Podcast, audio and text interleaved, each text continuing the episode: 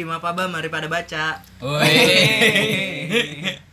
Ini adalah episode kita yang terbaru. Woi.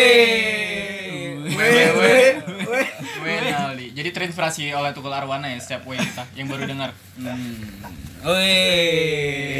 Terus saya wawe wawe. Keren sekali. Episode kali ini kita akan membahas buku Mhm. buku bisa dibilang fenomenal, bestseller, Legendaris. legendaris dan Mau meninggal. Yo, Siapa yang mau meninggal ya? pokoknya bukunya buku banget. Di tahun 2003 ya kalau nggak salah ya terbitannya. Dan Mm-mm. ini udah 2020 jadi kita bahas 17 tahun kemudian. Karena 2003 kita belum punya podcast. Hmm. Belum punya HP. Buku itu berjudul Da Vinci Code. Ya, karangan kan. penulis yang fenomenal juga dan Brown. Dan bro. Yang akan menjadi pemandu di episode kali ini adalah gua Ilham dan Kampleng. Halo, cu. Penceritanya adalah Rega dan Gondes. Halo guys. Pakar Illuminati. Enggak dong, Enggak dong. Freemason. Yang paling pertama tentu adalah ulasan singkat kali ya dari cerita. Kita nggak basa-basi dulu. ah. Gak usah, gak usah. Jadi dari awal. Ulasan singkat mengenai tokoh-tokoh penting dan latar lalu story cerita dalam 30 detik lah. Oh, dimulai dari sekarang.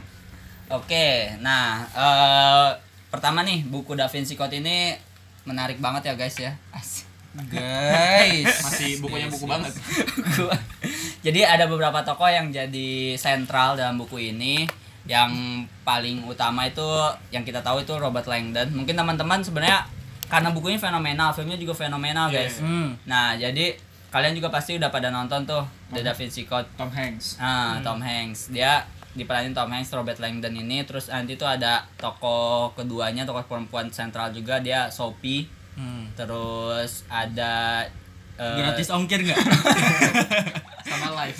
Juga ya, sama ada pemeran lainnya yang jadi sentral tuh ada si, si Silas ya Des ya Silas namanya Iya. Silas. Silas Tokoh antagonis. ah terus sama Tobing siapa? Sir Lulu Tobing. ya pokoknya ada ada ada sat, ada ada satu lagi Ada yang Lake. Hah? ya like like like Tobing. Like like te, to, Teabing gitu. Pokoknya Hmm. itulah. Nah udah itu sih. Sama satu lagi mungkin yang nanti awal-awal cerita tuh dia meninggal duluan nih. Jadi openingnya aja dia udah meninggal tapi dia salah satu kunci. Dia Oh, kunci. iya. kunci dari cerita ini. Kurator seni terkenal namanya Jack Wersa Sauneri. Oke, tadi kan mereka udah nyebutin tokoh-tokohnya Des. Coba cerita singkatnya gimana Des? Jadi berawal dari kematian si kurator seni ini, si Jack West ini.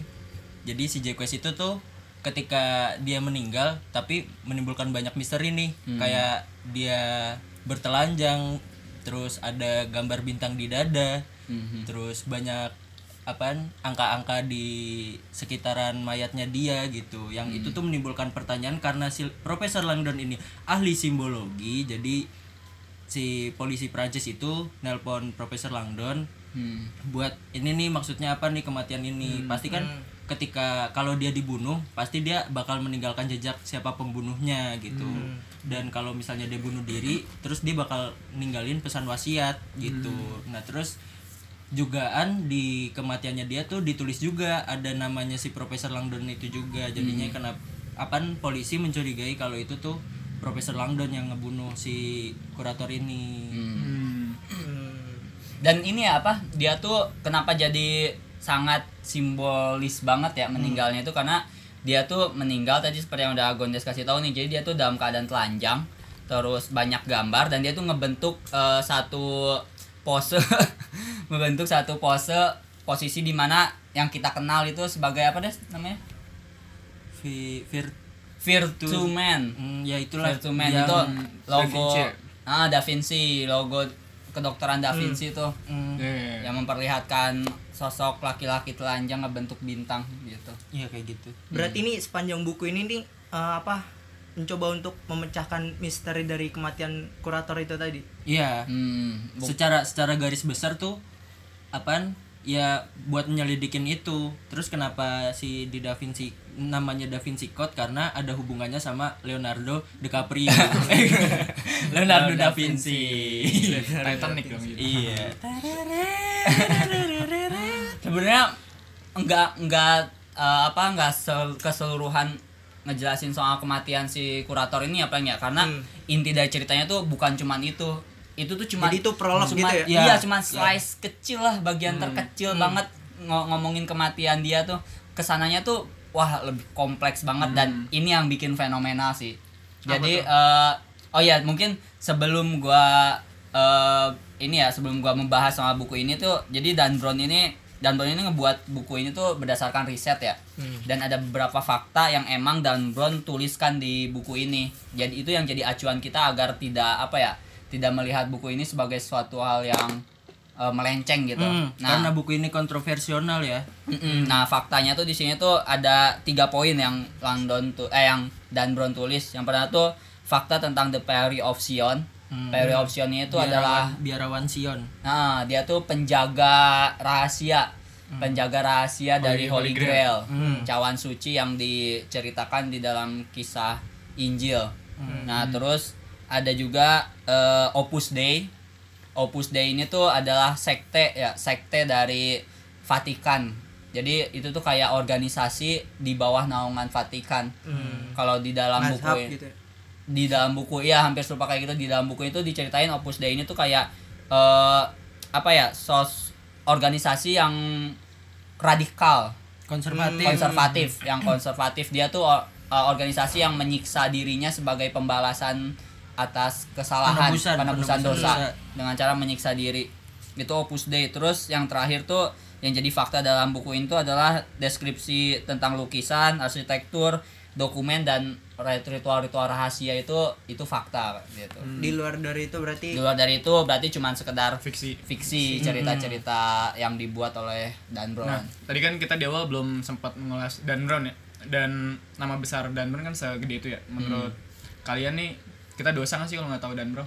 parah sih kalau menurut gua kalau lu suka baca buku Hmm, penjual novel. ya? ah, apa terkhusus novel apalagi spesifik lagi novel Misteri. misteri lu nggak mungkin nggak nggak dosa banget sih kalau nggak kenal Dan Brown kayak lu nggak kenal eh, siapa Sir Arthur Conan Doyle lah kalau misalnya di novel misteri ya kan nggak nggak kenal Sherlock, Sherlock. Holmes Sama lu nggak Agatha Christie. Ah, Agatha Christie lu gak kenal Agatha Christie, Sir Arthur Conan Doyle sama Dan Brown Sama yang Thomas, zaman sekarang Thomas Shelby. ya?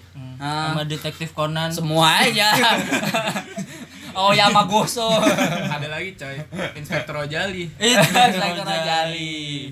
Kalau gak kenal lu kayak lu dosa besar sih. Karena sekeren itu sih Iya, karya-karya tuh mau meninggal. Gimana Des? Menurut lu dosa nggak Des? Kalau gua nggak dosa ya, se- selagi nggak dilarang agama. Tapi ya bukan bukan dosa apa enggak sih, cuman ya kayak agak kurang kurang lengkap aja kalau lu pecinta buku misteri, cuman lu nggak kenal siapa itu Dan Brown Ah. gitu. Apalagi karyanya tuh banyak yang keren Kontroversi. iya kontroversi bestseller wah gila Kayaknya hampir semua kayak kayak mau meninggal semua Si- ha- hampir iya. semua karya Dan Brown yang series Langdon ya itu Iya, bestseller. internasional Hmm. bestseller semua. Dan udah tiga ya yang dijadiin Lima, film. ya tiga yang Iya, jadiin tiga. film dari lima. Si siapa? Da Vinci Code ini terus sebelumnya Angel Demon. Angel Demon Angel sama Demon, Inferno. Inferno Gua ngeliat di Google rating IMDb yang paling tinggi malah Inferno. Inferno ya? film Iya. Hmm, baru soalnya kali iya baru. zaman Yang dulu belum Da- ada apa, rating Da Vinci Code sama Angel Demon malah 6 berapa gitu. Hmm. Menurut Kalian kenapa tuh? Da Vinci Code itu kayaknya filmnya muncul 2007 deh. 2006 2006 2006 2007 ya, ya sekitar segitu. Itu aja gue masih kecil, berarti kan Di gue belum bisa nonton. gue nontonnya dulu. Awal-awal. gue baru nonton kemarin Karena mau rekaman. iya Riset, riset. Riset, tapi riset. tapi jujur di antara semua novel Dan Brown dari 5 series Langdon itu yang paling gue suka ya ini Da Vinci Code. Gue baca semuanya dan yang paling gue suka Da Vinci Code sih parah. Hmm. Ini sih mau menurut meninggal gua ah yang mau meninggal. Menurut gua kali lo ngomong ngomong meninggal. Gua aminin lu, gua aminin lu, gak amin. Di template IG tuh ada banyak tuh katanya. mau Amalin. iya. gue lupa cuma inget mau meninggal doang. Sumpah enak banget guys. Iya. Enggak nih lu dari tadi kan eh, bahas nih buku yang kontroversi kon- Ah. kontroversi. Nah, gue pengen nanya nih kontroversinya tuh macam mana nih? Nih, Nah. karena yang tadi ada yang tadi Rega bacain kan ada fakta-fakta tentang Vatikan. Nah, pasti banyak kontroversinya dengan gereja di, di novel ini. Apalagi tuh di sini tuh menabrakan antara paganisme sama gereja gitu. Pasti kan banyak kontroversional apalagi tentang kayak sejarah Holy, Ho- Holy Grail gitu kan Ah. yang di mana itu tuh kayak keyakinan keyakinan seseorang gitu kan dan itu kalau misalnya banyak kalau di buku ini kan Holy Grail secara harfiah gitu kan cawan suci itu sebagai mitos tapi kan di sini ditabrakinya gitu jadi banyak yang apa sih ya kontradiktif gitu Hmm. Kalau di sini tuh jadi Holy Grail itu kan kit, eh, sepengetahuan gue ya, eh, mohon maaf jika salah. Holy Grail itu diartikan sebagai sesuatu yang mitos ya, Hmm. ya sebagai sebuah cawan. Nah, kalau di novel ini tuh diartikan sebagai sosok. Hmm. Nah, Holy Grail di sini tuh diartikan sebagai sosok Maria Magdalena yang Hmm. mana dalam bukunya itu diceritakan sebagai istri dari Yesus. Hmm. Nah, jadi Fiksi kan itu. ya fiksi karena tidak tidak dituliskan nah itu di- diartikan sebagai apa dan pencarian di sini itu adalah pencarian makam dari Maria Magdalena ini di, di akhir banget sih sebenarnya ending banget karena ini udah lama bukunya dan pasti semuanya udah nonton filmnya gua rasa jadi gue buka aja bahwa di akhir itu akhir itu sebenarnya Holy tahu siapa tahu ada yang belum. iya Ya udahlah, Kempleng pokoknya- bel- eh kok Kempleng belum loh? Emang kan belum? Tapi nggak apa-apa. Aku cinta spoiler. Di akhir itu Holy Grail itu apa akhirnya diartikan sebagai itu pencarian makam. Jadi pencar nah di di akhir tuh yang paling keren adalah dia ditulisin pen- apa pe- pada akhirnya pencarian Holy Grail adalah eh, bagaimana kita menemukan makam seorang Maria Magdalena satu-satunya perawan yang disucikan ya kan?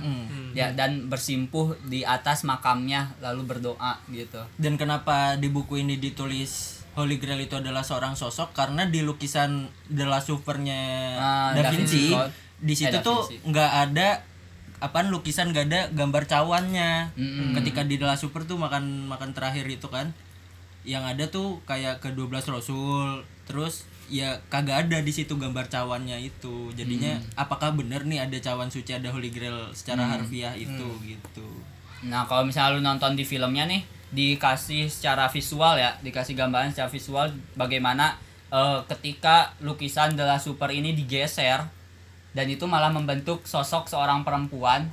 Jadi sosok seorang perempuan yang lagi Oh, bersandar, bersandar. Ah, eh, bersandar ke eh, pundak Yesus. Hmm. Nah, itulah itulah yang yang yang di di disebut sebagai ya perempuan itu tuh yang disebut sebagai Maria Magdalena. Sedangkan se- apa sepengetahuan orang dalam kisahnya, dalam kisah di Injil sepengetahuan eh, yang gua tahu ya, eh, itu 12 orang itu adalah laki-laki semua, tapi ternyata ada perempuan yaitu Maria Magdalena gitu. Ini kan berarti penulisannya beriringan sama uh, kisah sebenarnya ya, cuma banyak yang ditambah-tambahin lah fiksinya Hmm, sama iya.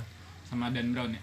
Yang lebih keren lagi menurut gua dari lukisan-lukisan itu kan di dibahas ya ada tafsiran dari interpretasi dari Dan Brown lagi. Menurut lu emang tuh lukisan itu se se spektakuler itu atau emang itu tafsirannya Dan Brown aja kayak apa ya lukisan kayak Mona Lisa terus Iya. yang lukisan tadi kenapa bisa banyak multi tafsir gitu loh Hmm. apa emang lukisannya juga si Leonardo da Vinci sengaja bikin kontro, sengaja bikin banyak Kode tebakan gitu ya? konspirasi gitu Iya. Hmm.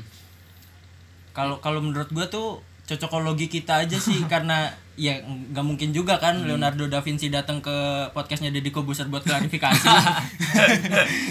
Tapi kalau menurut gua enggak tau kayak iya banyak gitu loh kayak lukisan-lukisan yang se kalau sebesar itu kalau menurut gua kenapa kenapa pada akhirnya si Dan Brown ngambil kesimpulan kayak gitu ya Hmm. penafsiran lukisan Da Vinci kayak gitu karena itu eh, ngacu ke fakta yang dia tulis ya Iya. bahwa ini hasil riset dia yang di mana Perry Option itu mencakup beberapa tokoh yang kita kenal juga dan salah satunya ternyata kan si Da Vinci Leonardo da Vinci itu termasuk eh, anggota dari Perry Option Hmm. terus ada juga Isaac Newton taruh taruh Option tuh sama dengan Illuminati sih Bukan, Perry Option tuh ini apa? Freemason Siapa dia? Templar, penjaga. Templar. Nah, Ah, Satria Templar. Satria Templar. Perry Option tuh penjaga dari rahasia, coy. Hmm, penjaga rahasia Nah, dan si Jacques eh, San- senior Son- siapa sih namanya? Ja, Jacques Sauniere ini adalah eh, Perry Option di pada saat Renaissance. zaman ini dalam cerita ini. Jadi Perry Optionnya tuh dia. Dan sebelum-sebelumnya senior-seniornya tuh ada Leonardo da Vinci, ada Victor Hugo, ada Sandro Botticelli sama Isaac Newton. orang-orang besar dunia Heeh. semua. Makanya kenapa kenapa Dan Brown mengartikan lukisan itu sebagai penuh kode, penuh simbol karena ya setokoh itu gitu. Karena Leonardo da Vinci itu pemilik pemilik rahasia anjir. dan dari imajinasinya Dan Brown dia adalah anggota si Hmm, Sion Sion itu. enggak dari imajinasi kalau di sini dia dia tulis sebagai fakta oh iya Iya, dia tulis sebagai fakta. Jadi Leonardo da Vinci itu anggota teori opsion. tapi kalau menurut gua yang tentang lu yang kayak cocokologi atau enggak tapi gua rasa yang sama kayak karya seni lainnya ketika Multi itu tuh iya multi multi tra- multi tafsir banyak interpretasinya itu malah karya itu tuh Semakin karena- iya semakin bagus gitu kalau misalnya udah ada interpretasi dari Hmm. si pelukisnya itu malah jadi nggak seru gitu kan kayak Iya. gambar anak-anak tentang gunung gitu ya Mm-mm. ada jalannya gitu kan kayak misalnya nih Leonardo da Vinci bilang kalau Mona Lisa itu aslinya ce- ce- cowok gitu nah kalau itu kan jadi nggak seru gitu nggak atau, debat kalau dia bilang ya sebenarnya gue tuh cuman asal-asal ini aja warnain bisa itu adalah gambar diri saya gitu kan Tapi eh, tapi gue tuh gue emang se ini ya waktu pas dari kecil tuh gue bener-bener kayak maniak Leonardo da Vinci bre. Gue nyampe punya beberapa biografi Leonardo da Vinci sebenarnya. Ah. Dan dari situ gue banyak baca soal Leonardo dan kayak banyak sekali fakta-fakta tentang Leonardo kayak Hmm. misalnya dia itu nggak pernah menikah, dia itu punya anak angkat, terus dia pernah apa melukis di kerajaan Milan. Pokoknya perjalanan panjang Leonardo. bikin lah. itu juga deh baju zirah ya baju zirah yang itu terus, terus dia apaan, bikin model pesawat, pesawat. model Hmm. pesawat, dia model bikin model kapal selam dan bahkan jadi banyak karya-karya Leonardo da Vinci itu pada akhirnya itu dibakar. Bikin senjata juga kalau nggak salah. Nah, bikin senjata. Jadi banyak sebenarnya karya-karya Leonardo da Vinci eh, itu dibakar dan di, dihanguskan sama pihak yang tidak berwenang dan mungkin mungkin ya kalau dari novel ini karena diketahui faktanya kayak gitu mungkin dari pihak Vatikan atau kayak gimana gitu. Waduh. Mungkin, Bre. Terus Mungkin. gimana cara kalian memisahkan yang fiksi dan Fakta. fakta di sepanjang novel ini kan berdampingan banget tuh ya kayak lagi baca eh ini fakta apa enggak ya Kagak ada gue makan-makan aja. kalau gue kan karena bacanya tuh dulu banget waktu gue SMA yang mana internet gue masih belum ada kan gue SMA nya di pesantren gitu buat nonton TV aja susah Hmm. hiburannya buku jadi gue juga makan mentah-mentah Mentah ya? iya gue gue makan mentah oh gini ya oh gini ya gitu jadi ya gue makan mentah-mentah cuman pada akhirnya ketika gue ada di Dewasa. zaman sekarang iya ada di zaman sekarang itu tuh ternyata hanya sebuah novel. Gue baru tahu kalau novel itu Fiksi iya gitu. Iya, gue juga baca buku ini pertama kali banget tuh waktu kecil SMP apa SMA kelas 1 gitu. Dan pas gua baca ya anjir gue bener-bener layaknya orang yang mendapatkan informasi konspirasi. konspirasi loh anjir kayak anjir ini konspirasi banget keren banget gitu. Dan gue makan mentah-mentah bahkan nyampe gua mikir eh, ke sana kemari lah pokoknya tuh. Tapi pada akhirnya ya sekarang-sekarang kan udah dewasa gua ya acuan gue sekarang ya kalau baca novel ini ya fakta yang ditulis sama Dan Brown karena Dan Brown itu emang sel- selengkap itu sih karena takut sebenarnya mungkin ya Hmm. salah satu alasannya takut jadi eh, serangan makanya dia nyampe bikin tulisan fakta ini takut dibakar kayak Iya, siapa? takut dibakar kayak Galileo. Giordano Bruno kali Galileo Ini kan judulnya Da Vinci Code nih. Hmm. Nah ini ada fakta unik atau fakta menarik nggak nih kode-kode apa sih yang ada di oh banyak buku banget ya Des ya anjir ini Ba- kenapa jadi Ih. novel misteri paling keren Ih parah keren Parah. banget parah parah parah, Parah, meninggal parah, lagi, parah, pengen parah. meninggal lagi. Nggak, nggak, nggak, enak Nggak. banget ketika ketika lu baca tuh lu kayak ih kayak jadi so- detektif anjing sotoy so- soalnya tuh yang gue suka dari novel ini tuh karena ada beberapa fakta sejarahnya gitu kan Ah. kayak Mona Lisa pernah dicuri kayak Mm. gitu kan terus yang gua keren juga gue baca ulang lagi kan yang gua baca juga ternyata tuh mengandung unsur dari feminis juga. Dia Ah. m- meninggikan derajat perempuan yang di mana zaman dulu gereja kan kayak yang zaman dark age-nya gereja itu kan takut banget sama adanya emansipasi wanita gitu kan kayak penyihir selalu wanita kayak gitu kan. Kebebasan berpikir buat perempuan itu kayak dilarang gitu. Yang di sini tuh gue jadi mulai tertarik oh ternyata keren juga nih pas gue baca ulang gitu Hmm. ada fakta-fakta gitu Hmm, iya bener anjir sepakat kan di sini tuh dikasih tahu sih jadi si sak anjing Jacques Sauniere ini iya dia tuh selain teori opsion dia tuh pagan juga ya Des ya Hmm.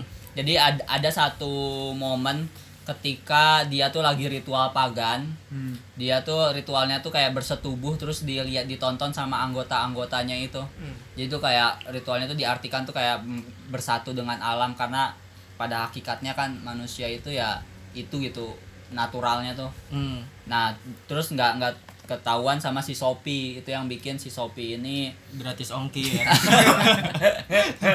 Sopi ini kabur dari Ah. Jacques pada akhirnya gitu jadi Sopi ini tuh dia dilatih ya Iya dilatih buat mecahin teka-tekinya si Jacques Saunere ini. Eh, karena si Sopi ini tuh keturunan dari Maria Magdalena yang yang berarti keturunan dari Yesus dari Baru di ketahuan di cerita ending ini. ya. Iya. Hmm. Spoiler.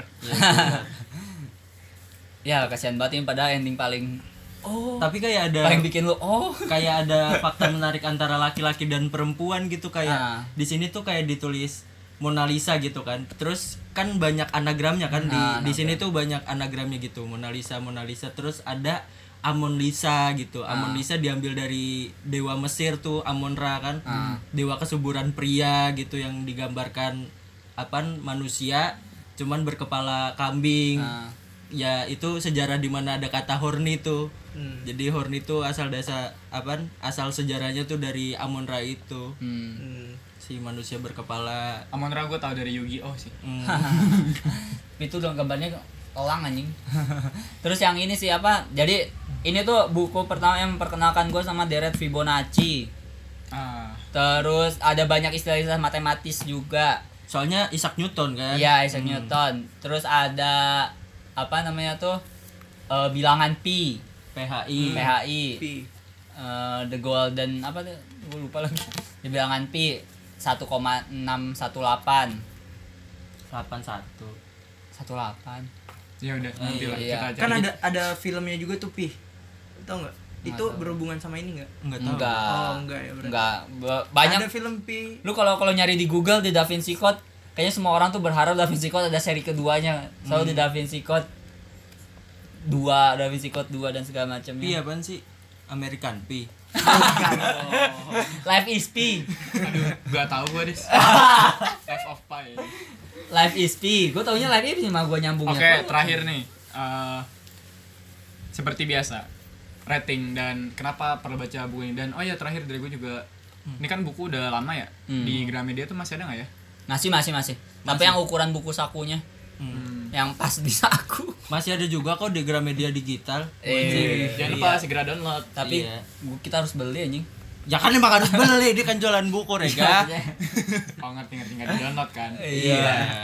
Enggak langsung download tapi itu dulu. Mm.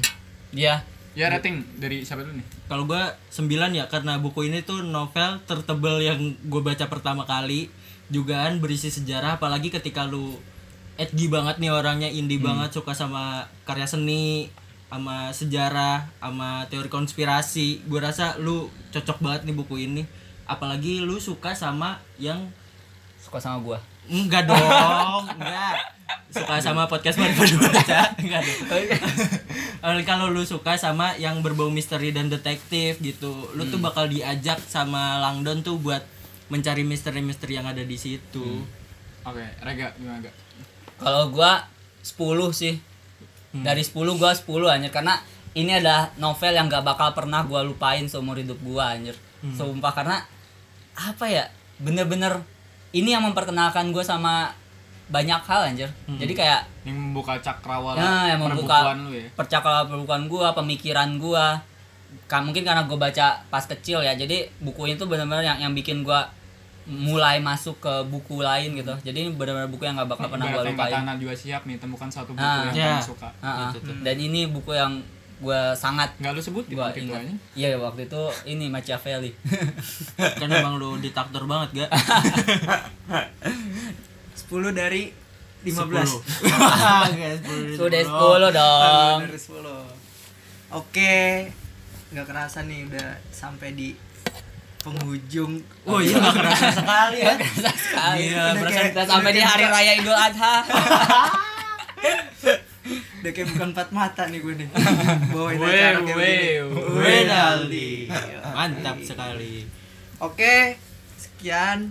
Eh, semoga bermanfaat. Sebentar. kayak rajin Kita harus ngeluarin jokes Idul Adha nggak sih? Kampleng mau disembelih besok. Wah. jokes Idul Adha, jokes Idul Adha. Kurang gemuk. kurang ini ngomong domba nih Domba-domba tersesat. Ayo Des, diktein Des. Asyhadu Ya, terima kasih yang sudah mendengar dari awal sampai akhir atau dari tengah sampai akhir. atau dari awal sampai tengah Sampai nggak bakal denger akhirnya dong. ada dari tengah nyampe awal Selamat membaca